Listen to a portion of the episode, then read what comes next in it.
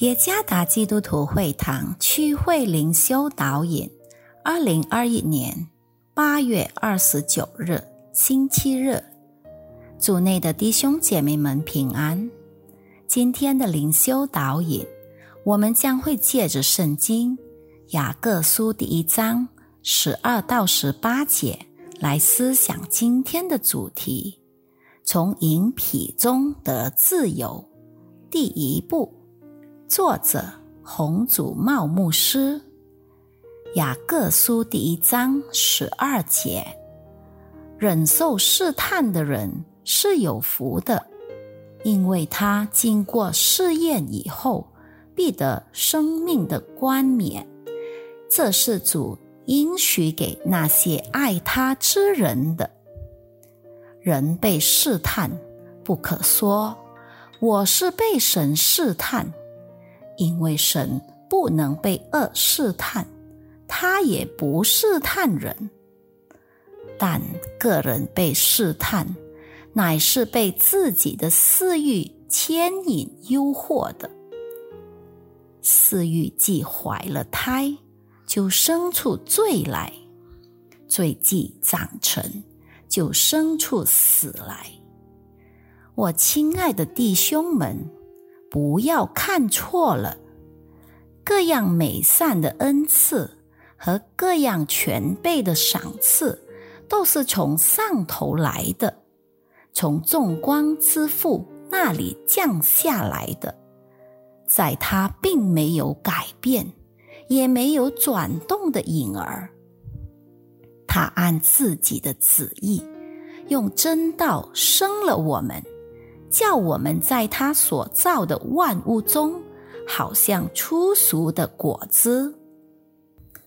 每个人必定经历过试探，然而经得起试探的人是何等有福的！为何说是有福的呢？因为那经得起试探或经过试验以后的人。必得着上帝所应许的生命冠冕。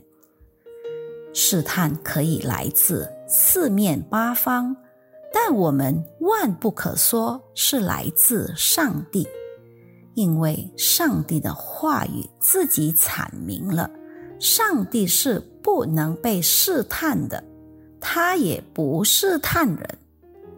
试探乃是来自自己的私欲。当私欲被满足，就生出罪来；接着，罪既长成，罪将带来上帝的审判。这就是在自己内心里试探或捆绑的开始过程。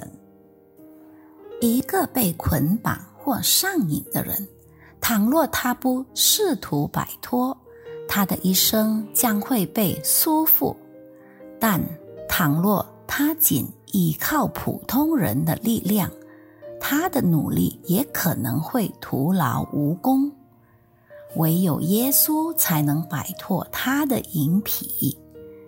有一些被赌博、香烟、色情，甚至吸毒捆绑的人，当他们接受耶稣为主和救赎主以后，就能彻底摆脱一切。即便如此，却还有不少基督徒显然不愿意彻底的被摆脱。即使他已经长大了，但他的淫癖就好像还保留着他心爱娃娃的孩子。娃娃不会导致死亡，但是淫癖。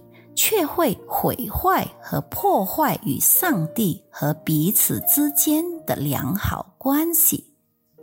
今天有个好消息要带给我们大家：只要我们愿意敞开心扉，真正愿意摆脱它，那我们就可以从一切淫癖中得着自由。淫癖不是让我们终身享受。因为它将会摧毁我们，更何况主耶稣在马太福音第五章二十九和三十节警惕我们说：若是你的右眼叫你跌倒，就弯出来丢掉，宁可失去白体中的一体，不叫全身丢在地狱里。若是右手叫你跌倒，就砍下来丢掉，宁可失去白体中的一体，不叫全身下入地狱。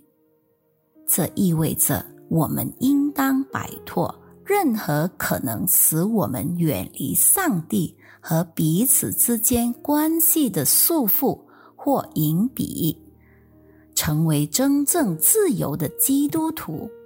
让我们能过着讨神喜悦的日子，以及成为更多人的祝福。罪的束缚只会带来毁灭，扎根在上帝真理，则会带来生命。